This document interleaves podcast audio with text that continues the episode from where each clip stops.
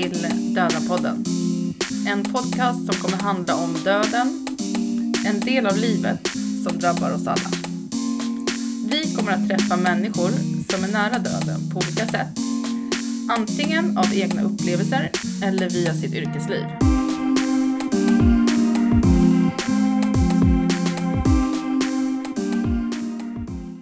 Hej Rosis! Hej Linnea! Kul! Nu är det en ny säsong på gång, 2021. Säsong två. Mm. Vi är tillbaks. Hoppas ni har haft en skön ledighet. Mm. Ni som har fått vara lediga såklart. Just det, det kanske de inte säger på IVA. Nej, precis. Nej. Nej, nu kan vi väl vara väldigt glada för att vaccineringen har dragit igång. Vi hoppas att det vänt nu. Alltså 2021 måste bli lite lättare och lite mindre corona. Ja. Hoppas jag. Ja, det Ja. tror jag. Men eh, det blir inte mindre prat om döden. vi kör på. Ja. Eh, idag ska vi träffa Katarina Tingström. Mm. Hon är nog känd för många som föreläsare, författare. Hon är legitimerad psykoterapeut, präst och handledare. Just Eh, Bland annat har hon skrivit en bok som heter Döden på arbetsplatsen. Så det är väl lite det vi ska prata om. Ja, och även hennes erfarenheter inom polis och försvarsmakt. Jag tror hon har mycket intressanta erfarenheter och kunskaper Mm. om vårt favoritämne, döden. Morbida människorna. ja. ja, men det ska bli jätteintressant. Ja, så välkomna tillbaka!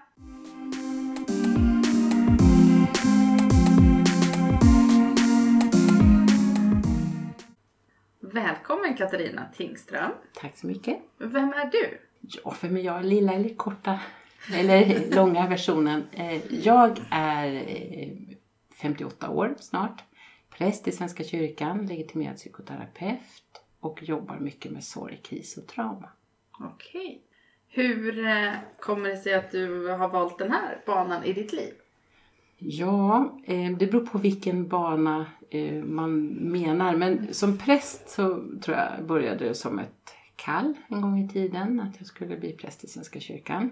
Eh, Och det var inte enkelt för på den tiden på 80-talet fanns det inte så många kvinnliga präster uppe i Jämtland där jag jobbade. Eller kom ifrån. Mm. Och då hade jag svårt att se hur jag skulle kunna bli präst. Så det var några år med brottning med det. Men sen så föll allt på plats. Och så prästvigdes jag i början på 90-talet. Eh, Så jobbade jag som präst i många år och klev in både i Försvarsmakten och Polismyndigheten. Och så genom åren då så har jag förstått att jag skulle behöva lite mer kunskap om när man möter människor i kris och i sorg och så. Så då började jag läsa också till en psykoterapiutbildning. Mm. Så det är därför jag har den här dubbelkompetensen. Men vad gör en präst inom polis och eh, försvarsmakten? Ja, det är en bra fråga. För det är ju inte så självklart. Nej. Nej, när jag berättar att jag har varit polispräst då tror många att jag jobbar inom kriminalvården. För där tänker man sig att i fängelser och häkte så Mm. finns det präster. Men att man skulle finnas inom polismyndigheten det är inte lika självklart. Nej. Eh, försvaret har haft präster sedan 1600-talet. Eh, det har alltid funnits en koppling mellan kyrkan och, och försvarsmakten. Mm. Ehm, och där jobbade jag mycket med ehm, samtal med värnpliktiga när de ryckte in. Eh, med befäl som jobbade i Försvarsmakten nu när de mådde dåligt. Hemkomstsamtal när man hade varit ute på olika missioner. Mm. Kris.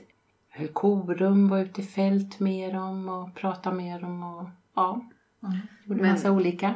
Men kris, alltså Ja. menar du som tsunamin, alltså någon sån kris? Eller? Nej, jag, jag också. Det Mm. kan det ju vara. Men kris kan ju också vara när det händer någonting i ens eget liv. Mm. En kris kan ju vara att den man tycker om är antingen vill skiljas eller dör. Eh, en förälder som man har stått nära, man förlorar den. Eh, det kan vara att man förlorar sitt jobb, sin eh, inkomst. Mm. Eh, man kanske inte kan eh, få behålla sin bostad. Man eh, tappar vänner. Man, det är alltså förluster, separationer och förluster tänker jag skapar en kris. Men det verkar ju inte vara bara poliser och eh, Försvarsmaktens anställda som drabbar, drabbas. Nej, det drabbar alla. Ja, Ja, absolut. Ja. Men de kanske möter mycket svårigheter inom Försvarsmakten och eh, inom polisen. Och det gör någonting med en själv. Och då kan man ju hamna i kris om man får möta för mycket av det som är svårt och jobbigt. Och vad ska jag göra av allt det? Och hur påverkar det mig personligen? Och då kan jag hamna i kris. För det har, har man ju funderat på, alltså till exempel poliser, om de ofta alltså ser hemskheter, människor som har tagit liv av sig Mm. eller ja, olika. Hur, hur hanterar de det egentligen? Har man ju funderat på. Mm. Blir de liksom att de bara stänger av känslorna eller liksom? Min erfarenhet eh, efter att ha jobbat där i 14 år eh, det är att de är väldigt empatiska och medkännande. Men att de är som alla vi andra som inte jobbar inom polisen eller försvaret. Att ibland kan bägaren bli förfylld. Och när det blir för mycket mig, när jag får se för mycket elände i jobbet, eh, får möta för många trasiga människor och kanske själv att privat att det händer saker. Dödsfall, separationer, sjukdom, olyckor. Då orkar ju inte de heller. Nej. Det finns ju ingen som gör det. Så eh, jag tänker att egentligen skulle det finnas, min titel var ju polispräst. Ibland så tänker jag att det ska finnas präster på alla företag och alla Ja. arbetsplatser Ja. som skulle kunna vara där och fånga upp och prata och stötta och, och så om det behövs. Mm. Men inom polisen hade jag en annan viktig uppgift och det var ju att få bygga upp det här eh, nätverket omkring överlämnande av dödsbud. Mm. Så jag jobbar mycket inom polisen med dödsbuden, eh, handledning eh, till polisanställda, Mm. eh, utbildningar överhuvudtaget. Att, ja, hur ska jag som chef hantera om jag förlorar en medarbetare? Mm. Antingen i cancer eller en trafikolycka Mm. eh, eller en skjutning. Eh, och också eh, då samtal och stöd när det behövdes. Men var du med då? Till Vid exempel? dödsbud? Ja, precis. Och lämnade Ja. hos liksom, privatpersoner. Ja, och, och då kan man ju räkna ut att i en stad av Stockholms eh, dignitet och, och så kan man förstå att en person mäktade inte med allt det. Så det var därför som jag fick ett uppdrag att bygga ett nätverk i början på 2000-talet. Med präster, pastorer, diakoner som skulle kunna följa med polisen ut eftersom polisen hade skrivit avtal med Sveriges kristna råd om att kunna få det här stödet. Och, och då var det viktigt att betona att det var ju inte utifrån någon slags religiös inriktning att ja, det är viktigt att en präst för att den är kristen utan präster och diakoner i Svenska kyrkan till exempel eller från någon av de så kallade frikyrkorna eller de, vad det nu kan vara för någonting. De har ju utbildning i det här, van att möta människor i sorg, man möter nysörjande varje vecka och de har tystnadsplikt. Så det var ju också ett sätt att skydda de drabbade. Att få möta någon med både kompetens och kunskap och tystnadsplikt och sekretess. Men vad gör ni eh, om, ni om du då eller någon av dina Mm. kollegor följer med på ett dödsbud? Vad gör ni liksom rent faktiskt? Går ni in i hemmet, sätter sig med de drabbade eller? Mm. Vi, det är ju alltid polis, man åker alltid med två poliser. För det är ju två som ska vara med. Mm. Ehm, och eh, min uppgift är inte att vara den som tar täten eller någon av mina kollegors uppgift utan vi är med som stöd. Och när, eh, alla gånger jag har varit med så, så ofta ser man ringer på eh, men vi kan ju också komma till arbetsplatsen ibland därför att det är på dagtid och, och den drabbade jobbar. Eh, och då när vi kommer dit så presenterar polisen och talar om vem jag är och frågar om det är okej att jag också får följa med in. Så att det är ju väldigt mycket, liksom, tycker jag, respekt. Och sen är det ju polisen som överlämnar dödsbudet och jag är med som stöd för de anhöriga. Eh, för många av frågorna som kan komma initialt är vad händer nu?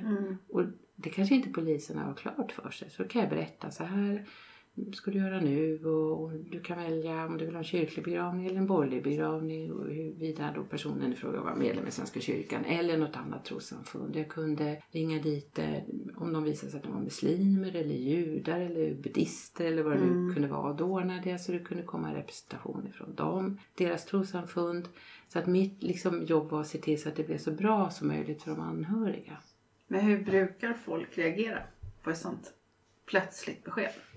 De flesta blir ju fruktansvärt förtvivlade. Det är ju... Läste någon, man hade tagit reda på vad vi svenskar var mest rädd för. Vad våra liksom worst case scenario är. Och då visar det sig att dödsbud kommer ganska högt upp. Att man kan ha fantasier att om det här händer då kommer inte jag klara av det och så. Så att, ehm, men det finns ingen, av alla år så kan jag inte säga att det finns en reaktion som är för alla utan vi reagerar olika utifrån de förutsättningar de vi är. Mm. Eh, och ibland så kunde en del reaktioner kanske för mig eller polisen bli konstiga men den var fullständigt naturlig och normal för den vi mötte. Och det är också viktigt att respektera. Och ibland kanske man inte hade någon relation till den avlidne. De kanske kunde säga att ja, men jag, det här är min pappa och jag har inte haft kontakt med honom på 20 år så att ni kan gå nu för Mm. det är liksom det här är en person som, som inte jag har någon relation till. Mm. Men vi kunde lika gärna komma till någon som där en förälder hade lämnat hemmet bara några timmar innan Mm. och sen inte kommer tillbaka. Men hur har det varit för dig att följa med de här dödsbuden? Jag inbillar mig att det måste vara... Jag skulle ha haft en klump i magen om jag skulle åka hem till någon och berätta något sånt hemskt.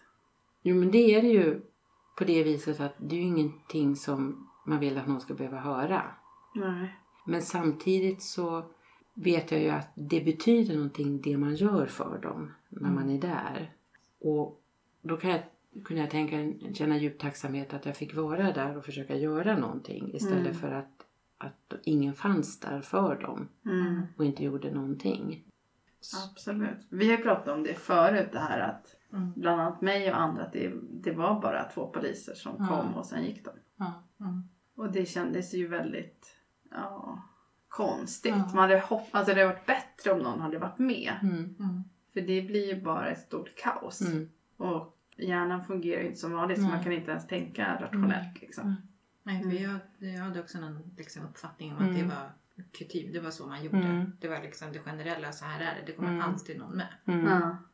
Någon form av stöd. Mm. Men det verkar ju liksom lite slumpvis. Ja, och, och det som Polismyndigheten har bestämt då det är ju att upp till varje patrull att bestämma om man vill ta med någon eller inte. Det finns i, Mm. i Stockholm, i Stockholms län finns det personer, präster, pastorer, diakoner eller om det är någon imam eller så som man kan ta med. Telefonnumren finns, Mm. eh, det finns ett system för hur man får tag på dem eh, och så vidare. Mm. Eh, Men, det är ändå, men ändå har myndigheten bestämt att det är upp till varje patrull och några kanske då känner att nej men det här klarar vi själv och kanske inte tänker på det mervärdet som det kan vara.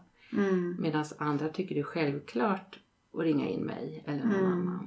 Mm. Så vi är så olika som människor tror jag Mm. också när vi går in i en sån uppgift. Nej, som, som eh, drabbad då, Ja. så skulle man önska att det var mer eh, linjeformat, Ja. lite samma för alla. Alltså jag fick ju inte ens något nummer till någon präst. Nej. Ingenting. Nej. Och det är ju, jag vet jättemånga patruller som kanske åker själv. Men när de kommer dit och, och, och då brukar de fråga, jag vill ha hjälp av någon? Och så säger de ja tack. Och då ringer de in en också efteråt. Så den möjligheten finns ju. Mm. Mm. Och jag blir bara så ledsen när jag hör att det inte fungerar. För jag, jag tycker att när man är i en sån här situation så ska man få den hjälp som finns. Och Mm. den finns. Mm. Ja, det var ju betryggande att höra att den Ja. fanns. Ja. För det fick jag uppfattningen av att den inte gjorde. Nej, Nej det är tråkigt att höra. Hur ofta upplever du att till exempel då polisen möter död i sitt arbete? Eh, mycket ofta.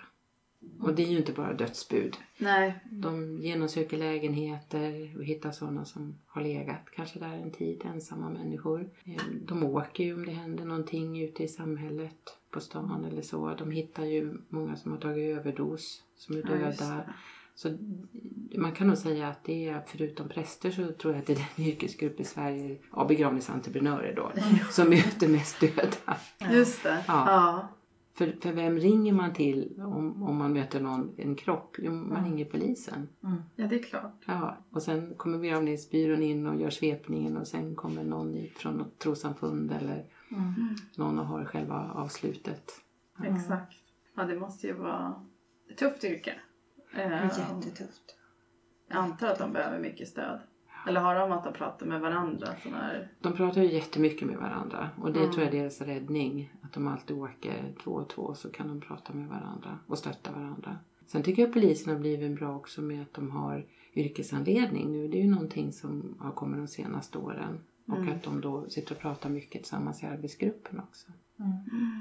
Nej men jag tänker just det här, jag tänker mig in i situationen att vara polis och att ha de här nattpassen Mm. och träffa på allt det här. Mm. Jag har, min sambo har jobbat som väktare Mm. eller vakt, ordningsvakt. Mm. Så han har jobbat med hund Mm. liksom nattetid och Mm. rensat garage och Mm. liksom överdoser Mm. och prostitution och misshandel och liksom det är så otroligt liksom deppig värld. Mm. Och du, du, man, jag tror att det är lätt att man kanske blir cynisk Mm. och faktiskt ganska, lite bitter Mm. nästan. Mm. Mm. Å ena sidan och sen å andra sidan tror jag också att man kan känna en otrolig tacksamhet Mm. för att ens nära och kära inte är i Mm. den världen. Mm. Just det. Mm. Så det är ju verkligen liksom två. Mm. Och det kan jag känna igen från mig själv. Att Mm. Jag håller på att jobba med det här i 30 år nu. Och min tacksamhet över att jag får vakna upp på morgonen och Mm. vara frisk. Alla fall tro att jag är frisk den dagen. Mm. Eh, Och att eh, min familj fortfarande finns där. Den djupnar ju bara med åren eftersom jag vet att eh, jag är inte skyddad ifrån det här. Det är ingen utan det kan drabba vem som helst. Mm. Och, och varje dag man får en bra dag, även om jag också ibland sviktar och, och tycker det är jobbigt och, och man kan ibland känna vad är det för mening med att hålla på med det här? Det blir ändå inget bättre. Men, men hela tiden så kommer den där tacksamheten tillbaka. Och det känner jag igen från många poliser också.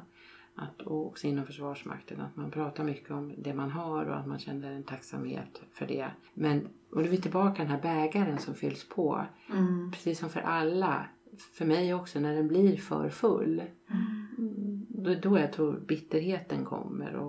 Uppgivenheten och maktlösheten. Och, och då blir man bara arg och kanske vill slå eller hata eller Mm. bara bli cynisk eller svartsynt. Ja. Ja, det gäller ju verkligen att ha en bra ventil. Jag ha tror det. någonstans att ventilera. Mm. Jag tror att får man tömma den så Ja. kan man ju liksom också ta nya tag och börja om och känna att visst, på ett, å ena sidan så är det ju liksom, men vad gör det för skillnad? Varför gör jag det här? Å andra sidan, om inte jag skulle göra det här, Mm. vad skulle hända då? Mm. Om vi bara struntade i allting, Mm. Då fallerar det ju. Det blir Ja. ju liksom, då Mm. blir allt bara mörkt. Mm. Och det går ju inte. Nej. Och det är därför jag tror det är viktigt när man, om man tänker sig att man har två vågskålar i sitt liv. Mm. Att man liksom ser till att eh, om det är privat och yrket, de här två olika vågskålarna. Att jag tror det är viktigt att man ser att de är i balans. Mm. Mm. Så är det ett, ett tufft eh, jobb, då måste det finnas mycket av glädje och tacksamhet i den Mm. andra vågskålen så att man orkar. För det, vi är tillbaka den här bägaren, att det är oftast när det skiter sig på jobbet och skiter sig hemma. Mm. Då orkar ingen. Nej. Och, då spelar det ingen roll vart man jobbar. Nej, Nej. Det, det tror jag också. Ja. Definitivt. Ja. Är det några speciella erfarenheter eller någonting som du har varit med om när du har jobbat inom polis och försvarsmakt som du tycker är viktigt och kanske dela med dig u- utan att eh, berätta om personer såklart. Mm. Ja, för jag vill absolut inte hänga ut någon Nej. och jag vill absolut inte, alla ska känna sig trygga. Ehm, men jag tänker på en situation och så ska jag avidentifiera den. Men det var en situation där ehm, vi kom hem med ett dödsbud och eh, personen i fråga var, eh, hade ingen släkt och ingen familj här i Stockholm utan var helt ensam. Mm. Eh, och, och, då så pratade vi mycket om vem skulle kunna komma hem till den här personen. Och till slut så hittade vi, fanns det en vän, eh, före detta arbetskamrat. Mm. Och, till slut så fick vi ringa den här vännen då och fråga om personen kunde komma dit. Och så kom den här vännen och hade tagit med sig sin partner. Och de kom båda två då, mitt i natten var det och så. Och då hade de, de hade ju aldrig varit med om något sånt här. De Nej. visste ju inte vad de skulle göra. Och då, så fort de kommer in då i den här lägenheten så drar de ut mig i köket och trycker upp mig mot väggen och säger Vad ska vi göra nu? Vad ska vi göra nu? Vi vill hjälpa till, vi vet inte vad vi ska göra. Ja. Och så fick jag svara så gott jag kunde. Och sen gjorde de en fantastisk insats och ett enormt fint omhändertagande. Ja. Och då tänkte jag att, att de vågade trots att de var rädda och oroliga. De hade aldrig gjort något sånt här förut. De ville ändå visa den här vännen då omtanke, omsorg och åka hem dit mitt i natten. Och att de vågade. Och det tänker jag säger ganska mycket om en del människor. Att de, det finns liksom, man kanske inte tror det om dem, men det finns kärlek och kvaliteter och Mm. omtanke och omsorg. Och eh, får de lite hjälp på vägen så vågar de. Mm. Det tyckte jag, hopp om mänskligheten. Mm. Verkligen. Och kanske extra tryggt att du var kvar där och kunde Ja. ge några tips. Ja, och så stannade jag kvar ett tag och så kändes det bra för mig också att kunna åka hem sen på morgontimmarna och veta att den här personen var väl omhändertagen och eh, naturligtvis djupt chockad och i sorg men Mm. att den var trygg. Det var Mm. viktigt. Mm. Så jag tror inte vi ska vara så rädda. Jag tror att om vi hör om någon som har det svårt eller om vi hör om någon som blir drabbad eller så att vi vet man inte vad man ska göra så tänker jag det är bättre att fråga någon då. Vad kan vi göra? Fråga den här personen som är drabbad, vad vill du ha hjälp med? Mm. Än att inte göra någonting alls. Ja, jag, jag tänker så här att om, om jag skulle veta att någon granne hade fått ett plötsligt dödsbud Mm. om att ett barn har dött. Mm. Alltså vet, något som Mm. man tänker är det värsta som kan hända. Mm. Mm.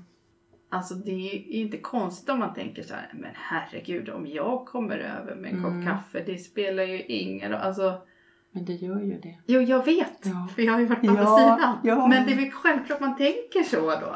Mm. Åh men gud vad, liksom, jag får väl en utskällning om jag plingar på dörren. Alltså det, är, man, det väcker ju liksom massa Ja. tank, känslor och tankar. Och vad är det värsta som kan hända då? Att de säger gå härifrån. Ja men då får jag väl gå därifrån då. Ja precis. Precis. Och då tänker jag att å- åtminstone, för jag, för jag tror, åtminstone om, om vi kan säga då, ja men våga göra det.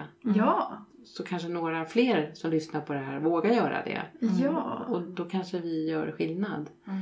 Ja men precis. Ja. Och om de skulle skälla eller då kan man ju tänka vad bra nu fick de ut lite känslor. Ja, Får man ja. bjuda på det då? Ja, precis. Och det tycker jag är jätteintressant att du säger, för den vanligaste frågan jag har fått genom åren, under de 14 åren jag var på polisen, det var ju det här, ja men eh, tänk om du kommer hem till en muslimsk familj och är präst i Svenska kyrkan, då blir du väl utslängd, det, då gör väl polisen fel. Ja. Och jag har aldrig under 14 år, aldrig har någon sagt gå härifrån. Nej. Utan jag har alltid blivit välkommen. Mm. Eh, och eh, jag tänker att det är människor i sorg Mm. och kris. Och, ehm, och, och sen kan ju jag erbjuda då, det kanske är någon som kan komma från ditt trossamfund, det kan jag ordna, det kan jag hjälpa till med. Mm. Ehm, men för många har det också varit, ja men du har ju en tro. Mm. Att det har varit det viktiga. Att liksom det bär. Mm. Det tycker jag har aldrig hänt mig. Att någon har sagt gå härifrån. Jo, en gång hände det. De trodde jag var från socialen. Trots att jag hade prästskjortan på mig. Och då insåg jag att jag ser ut som en soc-tant. Men det är helt okej.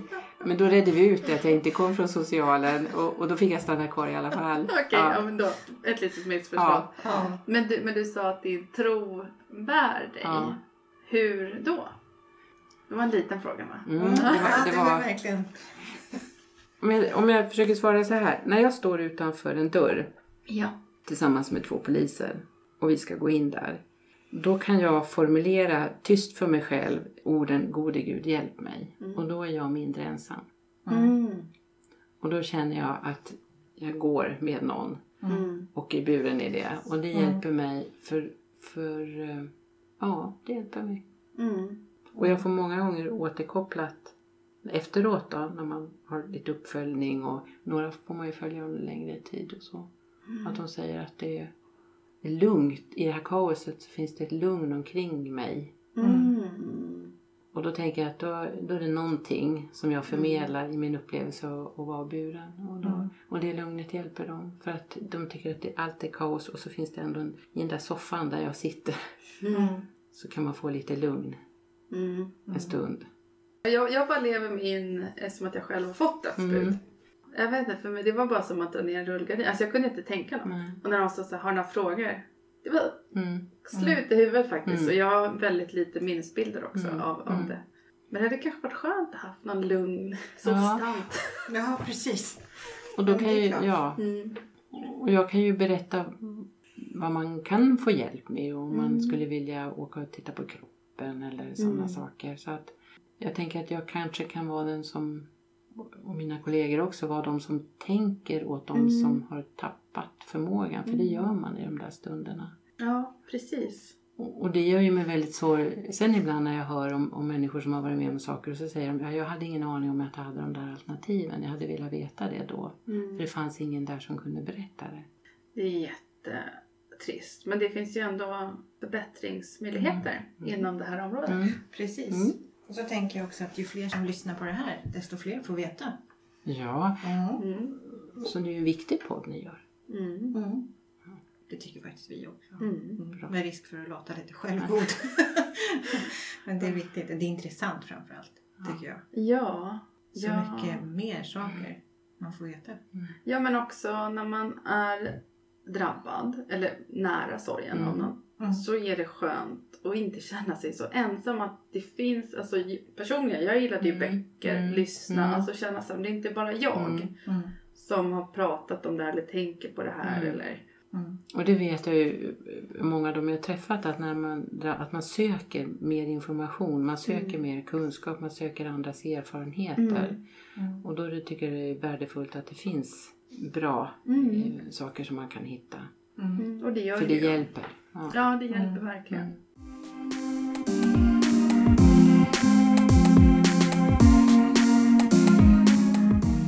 Ja, men det här var ju jätteintressant. Om poliser och deras eh, jobb. Och, och liksom tänk hur mycket död de möter Mm. hela tiden. Otroligt mycket död. Ja, men så här narkomaner som kanske tar överdoser, suicid. Mm. Med familjetragedier. Jag tänker inte bara Ah. död utan liksom död, våld, misär, droger. Ja. Otroligt tufft jobb. Ja, men tänk Ja. alltså bara, in, ja, bara så leva sig in i att åka till någon stackare som är helt omedveten och så ska du leverera det hemskaste beslutet. Beskedet. Besked, inte beslut, beslut. Beskedet Mm. till den här familjen Mm. som kommer rasera deras liv. Mm. Ja, och det är liksom lite det här. Vem är det som står där innanför dörren? Ja. Hur kommer du reagera? Vad ska vi säga? Vad ska vi göra? Jag tänker det som eh, Katarina pratade om. Den här liksom snabbhetsprincipen eller vad? Jag vet Ja, jag tror hon sa det. Men Ja. just att man ska få veta så fort som möjligt. Men det måste ju ändå kännas så jäkla, jäkla påfrestande att komma liksom. Veta att okej, nu är klockan 01.47. Med allra största sannolikhet så ligger den här småbarnsföräldern och sover. Vi ska plinga på och tala om att hans fru har blivit överkörd av tåget eller att Mm. hans son har fått en kniv i hjärtat eller att eh, hennes Mm. mamma har blivit påkörd eller att, Mm. alltså vad det än är. mm. Värsta skitgrejen. Verkligen. Alltså, och sen tycker jag också det, det som kom fram nu att det finns rutiner och riktlinjer för att man ska ha med någon. Ett Mm. samtalsstöd i form av en präst eller diakon eller mm. någon annan. Mm. Att det finns liksom. Det finns. Att Mm. alla patruller har den möjligheten. Men Ja, att det är frivilligt. Nej, det gör mig lite upprörd faktiskt. Jag tycker att, att det, man ska få samma bemötande oavsett var i landet man finns och Mm. vilken patrull som nu liksom har mi, mitt ärende som sin handling. Alltså vad heter det nu? Att de tar hand om mitt ärende. Det ska ju Mm. vara precis samma. Ja, jag tycker att det är skandal. För just vi har ju suttit och pratat om det här. Ni som har lyssnat på oss innan, ni vet ju att vi har pratat om det här. Just att Linneas dödsbesked, det, det kom två poliser, sen lämnar de dig. Hej då. Mm. Men Och det det var likadant liksom- som, som, som Monica Nanni berättade. Ja. Att hon också upplevde att de var där, tog hand om liksom mannen och kroppen och sen försvann de. Ja. Ja, men att, att det ska vara liksom slumpen då som avgör. Att vissa får ett mer med Mm. någon präst som kanske kan sitta kvar där. Mm. Men då har man ju chans att säga nej men jag är inte intresserad. Men Mm. får, blir man inte ens erbjuden? Nej men alltså inte ens få ett telefonnummer. Nej. Alltså det borde finnas en små tryckta kort bara så här. Här finns några nummer, du kan ringa någon. De här finns dygnet runt. De här finns tillgängliga, de här finns tillgängliga. Men med passusen att jag kommer ha lite minst, jag vet ju inte om jag fick den. Så att, Nej. jag tror inte det. Men, men, men, men, men det ska ju vara som en checklista. Samma, Mm. så här gör man. Mm. Ja och det, jag kan tycka att det borde kanske ingå i utbildningen på Polishögskolan. Mm. Så att vilka nu är som anordnar den kanske kan lyssna lite extra nu. Det Mm. borde finnas alltså, en, en dag vik då att lämna dödsbud. Hur gör man när man lämnar ett dödsbesked? Mm. Vilka resurser finns det att tillgå? Vilka resurser ska vi ha med oss? Hur levererar man ett besked på bästa sätt? Det gissar jag liksom att man, det finns utbildningar för. Mm. Men just att det här stödet runt omkring Mm. för den som är drabbad. Det måste finnas. Ja, verkligen. Man kan inte bara lämna folk åt sitt öde fan mitt i natten. Är speciellt inte när det finns barn inblandade. Det är helt, helt barockt. Men eh, det är ändå så här om man, alltså den, de poliserna som åker ut med det här, eh, är man mottagare av det så tror jag att det där är en sak man kommer komma ihåg hela sitt liv. Mm. För det är så himla traumatisk, dramatisk upplevelse. Mm. Så därför är det också väldigt viktigt. Man gör det på, på något samlat sätt. Och vill jag säga, när man får något sånt här eh, meddelande är min erfarenhet att man kan inte ta in allting. Nej. Det, och, och det gjorde de här poliserna. Min, min, det var ju väldigt så här precis, bom, bom, bom. Mm. Men eh, ja, det är viktigt att bli bra. Det är otroligt viktigt. Mm. Men jag säger som Katarina, hoppas vi bara kan förändra det här för någon. Så har vi gjort någonting bra. Ja, Mm. precis. Och eh, för er trogna lyssnare som kommer lyssna nästa gång också så fortsätter vår intervju med Katarina. För att det blev alldeles för långt att ha ett program. Så det blev två. Men vi hörs. Nästa gång så pratar vi med Katarina igen. Om Döden på arbetsplatsen. Otroligt. Du, du, du, du. Men på återhörande. På återhörande. Eh, Hör av er om det är något. Dödenpodden. Absolut. Gmail.com. Ja, Mm. gärna det. Allt gott.